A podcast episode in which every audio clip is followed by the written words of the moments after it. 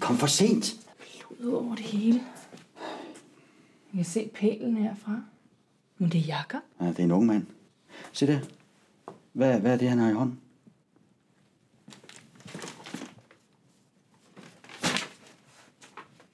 Det er en folder om Peter Tudvads foredrag. Shh. Jeg kan høre noget. Sluk, løb. Der er en ude i gangen. Kom, lad os se, hvem det er.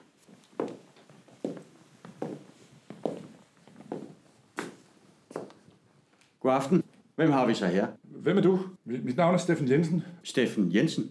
Ja, Du skulle ikke tilfældigvis være antikvarboghandler med butik i Næstved? jo. Men sig mig, øh, hvem er I? Jeg er politikommissær Nikolaj Meier. Hvor længe har du været her? Jeg er lige kommet. Døren stod åben, jeg gik bare ind. Men hvad skal du her? Jeg er kommet for at møde Jakob Rask. Ja, det kan desværre ikke lade sig gøre. Den her lejlighed er et gerningssted. Ja, hvis du vil følge med mig udenfor, så vil min assistent kontakte politiet for assistance. Charlotte, gider du lige? Ja, det var så.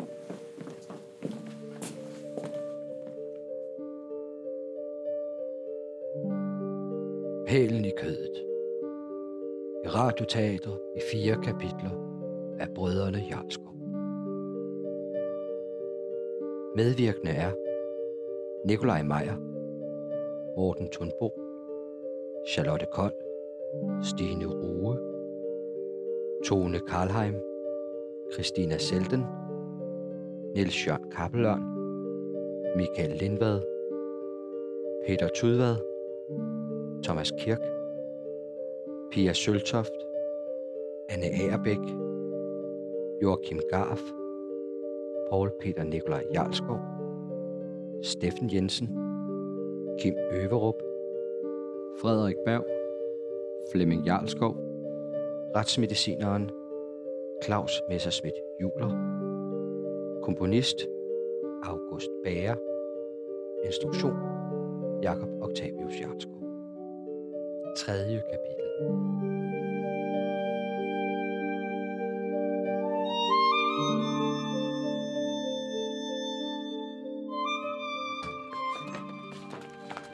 Jamen, godmorgen, Charlotte.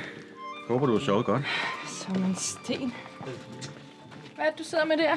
Jamen, det er rapporterne fra gerningsstedet i går. Ah, det var da godt nok en ubehagelig oplevelse.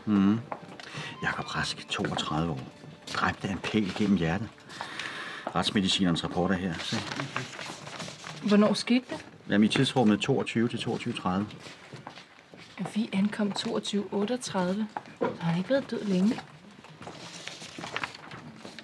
Jamen, der var tydelige tegn på indbrud. Altså, det virker amatøragtigt, men, øh, men døren og låsen var gammel. Jamen, vi, vi kunne ikke se det i mørket, men mm. prøv lige at se billederne her. Ja, Bor i en niværelseslejlighed. Ja, det meste af den er umøbleret. Mm-hmm. Han har boet der i tre år. men han er studerende. Hvordan har han fået råd til at bo i en så stor lejlighed? Det må da være virkelig dyr. Altså 28.000 om måneden. Det kræver virkelig en solid indtægt. Men prøv at se hans bankudtog. Han har da godt nok suppleret SU'en alvorligt, var? Det der, det er jo store beløb. Hyppige indbetalinger begynder for fire år siden og to år frem. Prøv at se her. Over 100.000 om måneden. Ja, det ser ud som om forretningen gik ned ad bakke sidste år. Indbetalingerne de bliver sjældnere, men beløbene er nogenlunde de samme indtil i januar. Så kommer der ikke mere. Og der er kun 50.000 tilbage på kontoen. Har han andre konti? Ja, tre konti, men øh, de to andre er tomme. Har du undersøgt, hvem der har indbetalt pengene? Men særligt Frederik Bergs navn dukker op, men, men også Steffen Jensen. Mm-hmm. Derudover så er der tre andre indbetalere fra udlandet. Jeg har sendt sagen videre til undersøgelse. Men så har Frederik Berg betalt penge til Jakob Rask. Mm. Men det er noget ulovligt. Ja, han har i hvert fald ikke opgivet indtjeningen til skattevæsenet. Jamen, det betyder ikke, at han tjener penge på noget ulovligt. Nej, men det gør beløbende størrelse. Hvad med Steffen Jensen? Fik du noget ud af ham? Jamen, Jeg forklarede ham bare kort, hvad der var sket, og, og sendte ham tilbage til hotellet. Ja, han bor i øvrigt på samme hotel som Peter Tudvad. Mm-hmm. Jeg bad ham komme forbi stationen i dag. Nå, jamen, så kan vi jo spørge ham, hvad han betalte Jakob for. Det havde jeg da så sandelig også tænkt mig. Det er Charlotte. Ja. Ja, lige et øjeblik. Det er Niels Kappelær. Han vil tale med dig. Kappelørn. Ja, vel ja. Det er kriminalkommissær Nikolaj Meier. Godmorgen, herr kommissær. Jeg beklager, jeg må forstyrre dem. Det, øh, øh, jeg er bange for, at der er sket noget frygteligt. Fortæl mig, hvad der er sket. Skæmtet, det er en, en pinlig, fejlagtig øh, affære. Her til morgen har vi optaget af, af brevet er væk. Fortæller de mig, at brevet er stjålet? Ja, jeg kan jo ikke sige, hvad der er sket. Brevet var låst forsvarligt inde, men, men her til morgen der var det væk. Jeg kommer med det samme. Farvel, herr Kappelørn.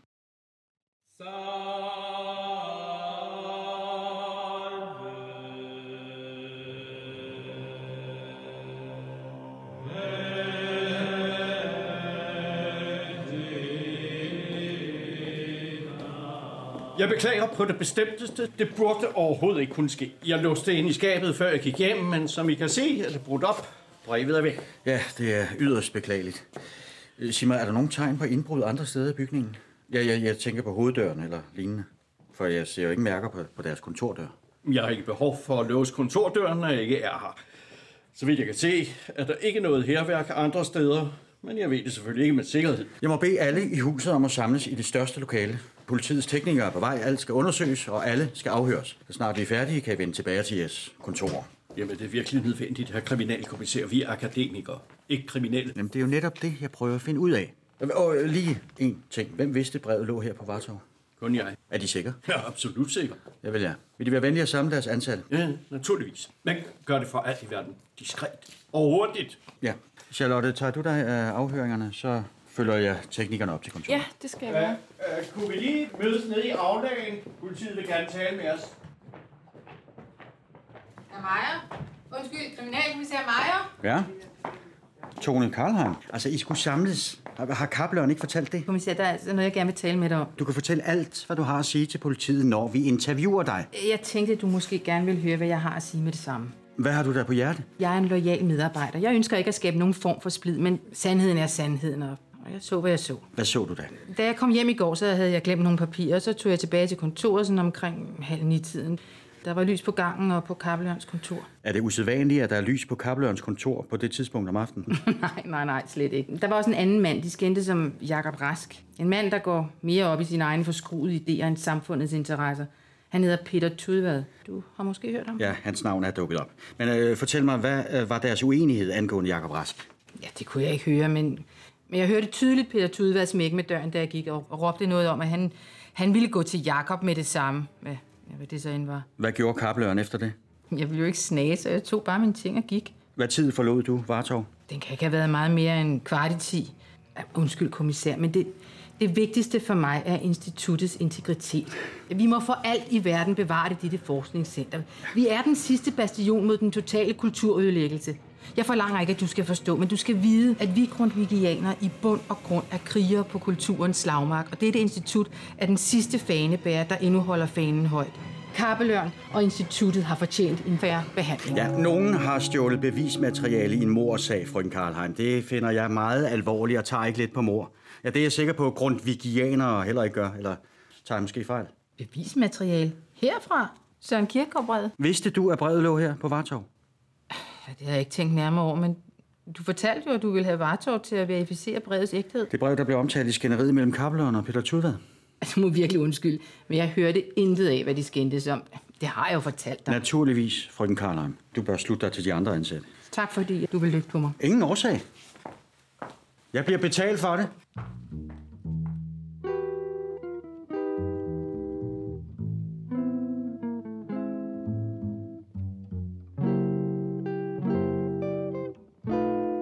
Hvordan i hede hule helvede kan vi miste det brev?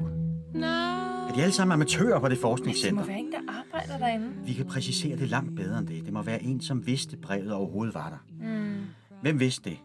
Niels Kappelør mm. og Tone Karlheim. Og Pia Søltoft, Ja, også piger. Er der andre? Joachim Garf. Du fortalte om, du ville få brevet verificeret på Vartov. Og Joachim Garf. Ja, ja, ja. Altså fem mennesker kendte til, at brevet lå hos Kaplør. Men mener du så, at den, der stjal brevet, er den samme som morderen? Ja, det er naturligvis ikke sikkert. Der hersker ingen tvivl om, at morerne og tyveriet hænger sammen. Mm. Altså, jeg bliver mere og mere overbevist om, at brevet er omdrejningspunktet i hele sagen. Tror du, de tre øh, findes? Eller? Jeg tror, at en akademiker kan leve sig så meget ind i sin verden, at det kan afføde de mest afstumpede verdensopfattelser. Om nogen tror på det, eller bare gerne vil tro på det, jamen, det er underordnet. Mm. Brevets fremkomst har gjort nogen meget vrede eller meget bange. Jeg hælder mest til vrede. Men jeg tror faktisk mest, morderen er bange. Morderen har i hvert fald taget historien om brevet meget alvorligt og påtager mm. sig selv den her modbydelige rolle. Ja. Men det virker også som om morderen anser det som en nødvendighed, at brevet ikke bliver offentliggjort, ikke? Jo, jo. Hvad nu hvis brevet handler om noget helt andet? Øh, noget, der kunne afsløre nogen i ja, et eller andet. Ja, nej, nå, men det kan ikke udelukkes. Men, men du glemmer pælen i kødet. Offrene blev begge myrdet rituelt. Ja, det er tydeligt, at morderen vil sende et budskab. Ja, det, det virker religiøst. Fundamentalistisk. Derfor tror jeg, det er vrede. Men kommer vrede ikke af angst? Sikkert. Men jeg vil jo ikke... Kom ind. Goddag, øh, Steffen Jensen. De bad mig komme her i dag. Velkommen til Steffen Jensen. Kom ind for at sætte dig ned. Det var en frygtelig oplevelse i nat. Mm. Jeg er glad for, at jeg ikke så det nærmere. Nej, det var heller ikke særlig rart. Jeg hørte, der var en række spørgsmål, jeg ikke fik stillet dig i går. Ja, det var sent, og jeg tænkte, du hellere ville tilbage til hotellet. Du sagde, du skulle besøge Jakob Rask. Jamen, hvorfor skulle du det? Og hvor kender du Jakob Rask fra? Han kontaktede mig første gang for snart fire år siden. Han havde en bog til salg, en usædvanlig og ganske ukendt håndskrevet kopi af den første trygte danske bibeloversættelse fra 1524. Det var Christian den anden, der bestilte den i en trygt udgave fra Tyskland. Men der var åbenbart afskrevet nogle få kopier i hånden. Alle papirer var i orden, og det gik op for mig, at han var en dygtig ung mand med forbløffende indsigt i gamle tekster og bøger, både i litterær og håndværksmæssig forstand. Nå, hvad mener du med det? Han forstod at læse tekster og alene ud fra dem vurdere, hvornår de var skrevet. Men han kendte også indgående til skriftsprogets historie og det håndværksmæssige fra papirtyper til skriveredskaber og blækblandinger. Købte du bogen af ham dengang? Naturligvis. Køberne stod i kø. Har du senere handlet med Jakob Rask? Mange gange. Han var dygtig til at finde gamle, værdifulde skrifter frem i lyset. Især de første tre år handlede vi en del. Det sidste halvandet år har jeg ikke hørt så meget fra ham. Hvad skulle du hos Jakob i går? Jeg ville advare ham. Advare ham. For seks måneder siden købte jeg tre originale tekster med folkeviser fra middelalderen. Jeg betalte 20.000 kroner og fik en rimelig gevinst.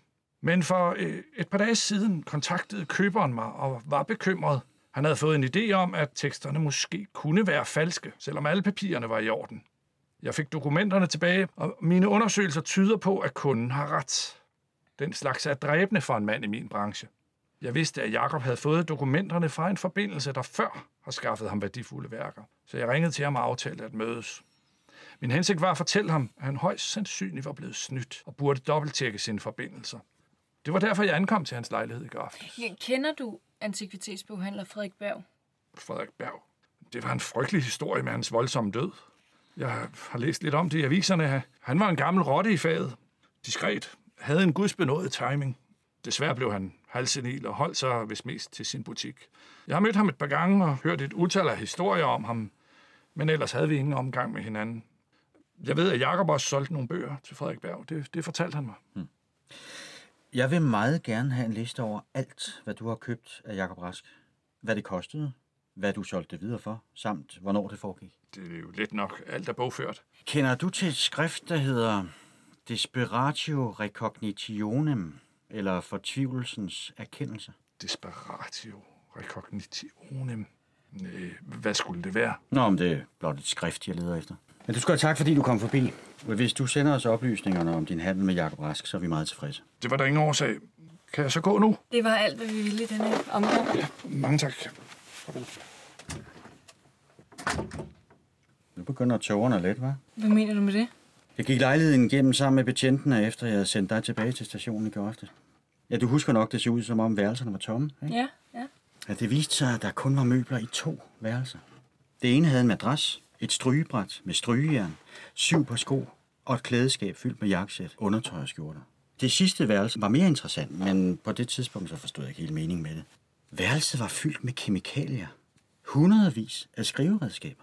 En hel reol med alverdens forskellige papirtyper og et kæmpe arbejdsbord med mærker efter skalpelknive, blæk, tusch og lignende. Ja, det lignede et skriveværksted for renaissancen. Men nu, med den viden, jeg har nu, så... Du, du mener altså, at Jacob Rask var den, der fremstillede forfalskningerne? Ja. ja, det mener jeg. Så det var altså også Jacob Rask, der lavede forfalskningen af Søren Kierkegaard-brevene? Ja. Men det var jo Frederik Berg, der fandt brevet. Jamen, jeg, jeg har ikke påstået, jeg har en helstøbt teori.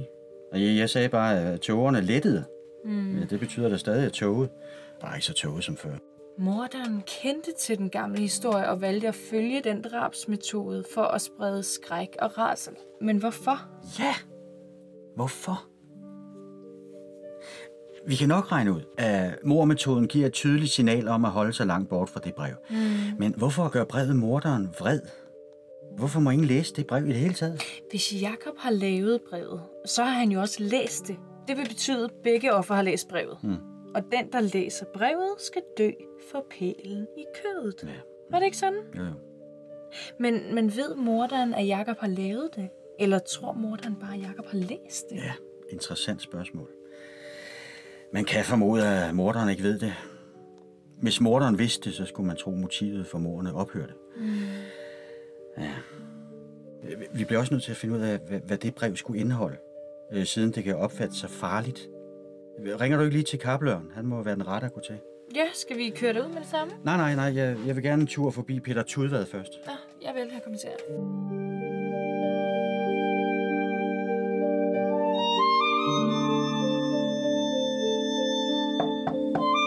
Øjeblik.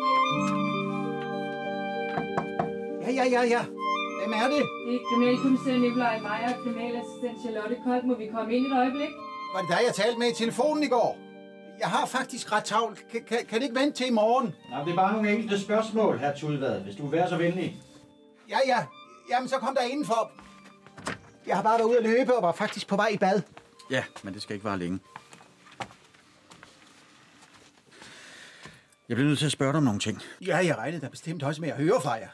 Ja, efter jeg læste om Jakobs forfærdelige skæbne. Ah, du har naturligvis læst om det i aviserne. Ja, grusomt. Du fortalte, at du kun kendte Jakob Rask sporadisk. Jeg havde vist mødt ham få gange, ikke? Ja. Ja, problemet for mig er, at det hænger meget dårligt sammen med, at han kontakter dig, når han er i dødsangst. Vil man normalt ikke gå til en, man var tæt forbundet med? Jeg kan ikke være mere enig. Men det gør mig ikke klogere på dit spørgsmål. Altså ærligt talt, kommissær. Jeg aner det ikke. Men jeg er faktisk kommet i tanke om noget, efter at vi talte sammen.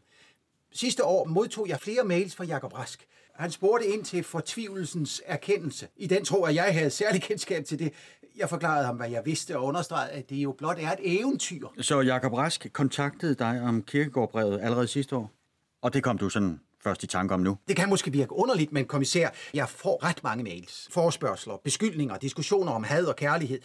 Altså, når man har meninger og siger dem højt, så stiller man sig åbenbart til rådighed som mål for alverdens lyster.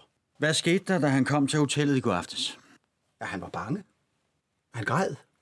Og fortalte, at han lige var kommet fra Vartov. Han havde vist en samtale med kappeløren, eller, eller, eller også var det vist hans assistent. Han havde gjort en eller anden frygtelig fejltagelse, som havde kostet Frederik Berg livet. Han mente, at nogen var efter ham. Jeg vidste ikke, hvad jeg skulle tro, og det var derfor, jeg ringede til jer, så snart han var gået. Men hvad ville han have dig til at gøre? Hvordan hvordan skulle du hjælpe ham? Han ville med mig til Berlin. Han mente, at han kunne bo der i sikkerhed. Og jeg prøvede naturligvis at overbevise ham om, at det nok var bedst at gå til politiet. Men han mente ikke, at politiet havde noget at gøre i den her sag. Hvorfor ikke det? Jeg ved ikke, hvordan jeg skal forklare det.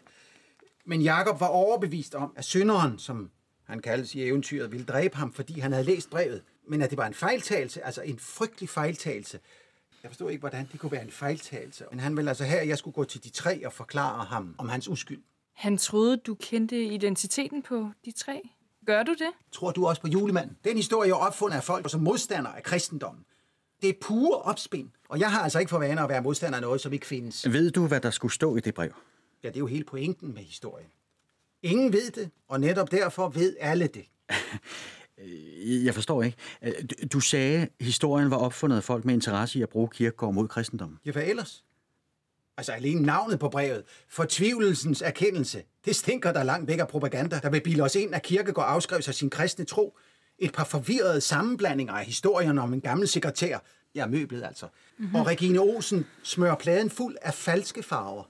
Det ser godt ud, det pirrer, men det er ren fantasi. Hvad tid ankom Jakob Rask i går? Jeg er omkring klokken 10. Øh, Hvor længe var han her? Hvad tid gik han igen? Ikke mere end en halv time. Jeg ringede til politiet umiddelbart efter, at han var gået. Dit opkald kom til stationen kl. 22.10. Ja, det passer meget godt. Du siger, at Jakob fortalte, at han lige kom fra Vartov. Men det gjorde du også selv, ikke? Før du kom tilbage til hotellet, og før Jakob Rask opsøgte dig, der var du på Vartov. Hm? Det må have været omkring kl. 20.30. Jeg skulle hente nogle papirer vedrørende noget honorar. Men du mødte ikke Jakob på Vartov? Nej, jeg så jo kun kappeløren. Men jeg tror bestemt, at der var flere i bygningen. Du havde et skænderi med kappeløren. Hvad gik det skænderi ud på? Altså, undskyld, kommissær. Hvor har du den idé fra? Altså, det er korrekt, at jeg var forbi Vartov, og det er ganske rigtigt, at jeg havde en samtale med kappeløren, men den var af ren overfladisk natur. Altså, da jeg vendte tilbage til hotellet, gik der vel en halv time, og så før Jakob bankede på. Så der var ikke noget skænderi? Nej, jeg finder naturligvis rystende med de der grusomme mor, men helt ærligt, kommissær, jeg finder det meget svært at tro, at der skulle være noget ved den der gamle historie. Må ikke det er mere sandsynligt, at måden, at de er blevet myrdet på, har til formål at skjule den egentlige årsag? Nok er akademiet fuld af knivstikker, men ligefrem mor. Der er flere ting, jeg må tage i betragtning. Jeg må tage i betragtning, at Frederik Bergs død ikke har gavnet nogen økonomisk. Jeg må tage i betragtning, at han sendte kirkegårdbrevet til sig selv, og det senere blev stjålet fra Vartov, hvor det skulle verificeres. Jeg må tage i betragtning, at Jakob Rask også er blevet myrdet. H- Hvilken kirkegårdbrev taler vi om? H- h- Hvad hvad er det for et, der er blevet stjålet? Ah, det vidste du måske ikke. Hm? Men politiet fandt 13 sider, og en synlig skrevet af Søren Kierkegaard selv. Alt peger på, at Frederik Berg fandt brevet i en skrivepult af samme udseende og alder som skrivepulten på Vartov. Er, er det brev i politiets varetægt? Politiet overdrog brevet til Vartov for at få det verificeret som falsk eller ægte, men allerede den næste morgen, ja, så var brevet stjålet fra Siger- Kappelørens kontor. Siger du, at der findes et brev, der muligvis skulle være fortvivlelsens erkendelse? Det er det, jeg siger, og det vidste du ikke. Åh, nej. Jeg er jo chokeret. Er der nogen, der har læst brevet? Det var vanskeligt at læse, fordi blækket var flyttet ud. Pia Søltoft er den eneste, der har set på det, og hun fik kun tydet titlen. Og, og den var? Desperatio recognitionem.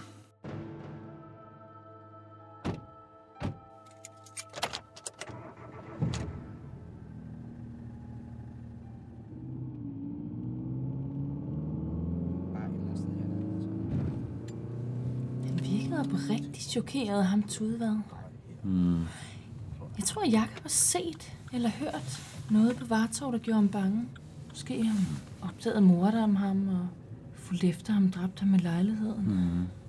Der sker noget mystisk inde på Vartov. Jeg er sikker på, at det er derinde, vi skal finde morderen. Jakob Rask var en bedrager. Han lavede forfalskninger af gamle breve, bøger, dokumenter og, og, og den slags. Ja, de første år var det en god forretning, men de seneste år blev det mindre lukrativt. Han har haft brug for noget nyt at sælge og er stødt på historien om Desperatio Recognitionem. Han besluttede sig for at lave det brev og kontaktede Peter Tudvad for at få mere viden om den historie. Hvordan brevet kommer i forbindelse med Olsens skrivepult, ja, det kan jeg stadig ikke forklare. Men de to kvitteringer kunne også være Jakobs værk. Jakob fortalte Peter Tudvad, at hans fejltagelse allerede havde kostet Frederik Berg livet. Mm. Og det passer jo meget godt, hvis altså det var ham, der havde lavet brevet. Mm. Men, men, men det må jo så betyde... Netop. Jakob lavede forfalskningen for at sælge den, uden at vide, at fremkomsten af brevet ville få de samme alvorlige konsekvenser, mm. som historien fortæller om. Morderen ved ikke, at brevet er en forfalskning, og reagerer ud fra, at det ikke. Hvis altså det er motivet for morderne. Både Frederik Berg og Jakob Rask er jo forbundet til hinanden gennem Jakobs forfalskninger. Altså vi ved, at Frederik Berg var involveret i salget af bogtyveriet fra, fra det kongelige bibliotek. Mm. Men måske vidste han også, at Jakobs ting var forfalskninger. Morderen kunne have været en vred kunde, der prøver at skjule sit motiv bag den her gamle historie. Mm. Det kan ikke udelukkes. Men alligevel, brutaliteten og voldsomheden i de to mord, det tyder på en yderst passioneret morder, der handler med omtanke, men dog er drevet af affekt.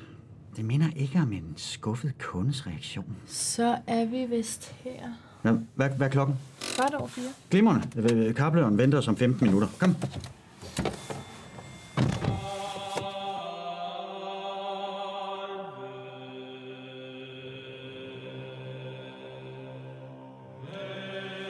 God aften, Nils Kapløren. God aften, kommissær og assistent. Tak fordi de kunne give os tid. Jamen naturligvis, kommissær. Det er med største alvor, jeg følger udviklingen i sagen. Tænker, at Jakob også er dræbt på den grusomme måde. I den sammenhæng blegner tyveriet af kirkegårdbrevet naturligvis. Men også det er en alvorlig sag. Jeg øh, kommer for at høre lidt mere til historien om Desperatio Recognitionem. Mm. Øh, det, det brev, findes der nogle historier om, hvad det skulle indeholde? Altså, hvad det handler om? Først og fremmest handler historien om, at ingen måtte kende indholdet af brevet, end ikke dets blotte eksistens. Ja, men det har jo naturligvis ikke forhindret en række teorier i at dukke op. Nogen siger, at det er et brev, hvor han erklærer Regine Olsen sin kærlighed, mens andre siger, at det er et brev, hvor han går op med sit forhold til hende. Men Der er også mere faglige teorier om en endelig erkendelse af den danske folkekirke. Men det er jo ligegyldige spekulationer, kommissær. Historien er den rene fantasi. Jeg har hørt, den skulle handle om et opgør med hans tro. Det er der vist også teorier om, ja. Ja, men øh, det var sådan set alt her, Kappeløven. Mange tak. Ingen årsag, kommissær. Og øh, øh, der var lige en ting til. De havde et møde i går her på kontoret med Peter Tudvad. Nå, det var nu ikke et møde i den forstand. Han skulle hente nogle papirer til underskrivelse, og vi hilste kort på hinanden. I kom ikke op og skændes? Skins? Nej, hvorfor i alverden det? Nej, det, det var også bare en idé. Jamen, have en god aften. Jamen. Farvel. Alle.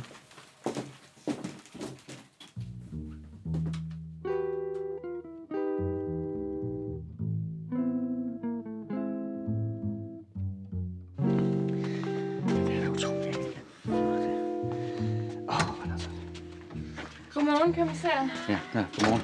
Jeg har interessante nyheder med i dag. Nå, ja, lad mig høre. Altså, der er ikke fundet nogen tekniske spor på morstedet, hmm. men der er kommet svar angående analysen af håndskriften, du ved, på konvolutten og Ja, ja, ja. notesbogen. Okay. Og det er den samme håndskrift, hmm. men det er ikke Frederik Bergs. Hvis er det så? Jakob Rask. Det er hans håndskrift. Jakob Rask. Jamen, så er det hans notesbog og ham, der sendte kirkegårdbrevet til Frederik Berg. Lige præcis. Jamen, det gør jo en verden til forskel. Ja, men det er ikke det eneste. Jamen, hvad, hvad- hvad ellers? Det ukendte fingeraftryk på kirkegårdbrevet, det er blevet identificeret. Hvis fingeraftryk er det? Også Jakob Rask. Ja, det ser ud til, at Jakob Rask fremstillede brevet. Jamen, det, det giver jo mening. Uanen om konsekvensen fremstillede Jakob kirkegårdbrevet og forsøgte at sælge det til Berg. Mm. En eller anden galning render rundt og jager alle, der har læst brevet. Jeg har måske bare set det. Men vi har jo set det. Måske det er noget andet, fordi vi er politiet. Pia. Pia Søltoft har læst. Tror du, hun kan være i fare? Du har ret. Øh, Jeg, øh, jeg- jeg prøver lige at ringe til hende. Ja.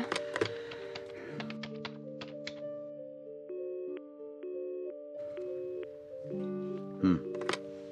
tager den ikke. Ja. Jeg prøver igen senere. Ja, Kriminalkommissær Meier, det er Pia Søltoft. Vi har fundet kirkegårdbrevet.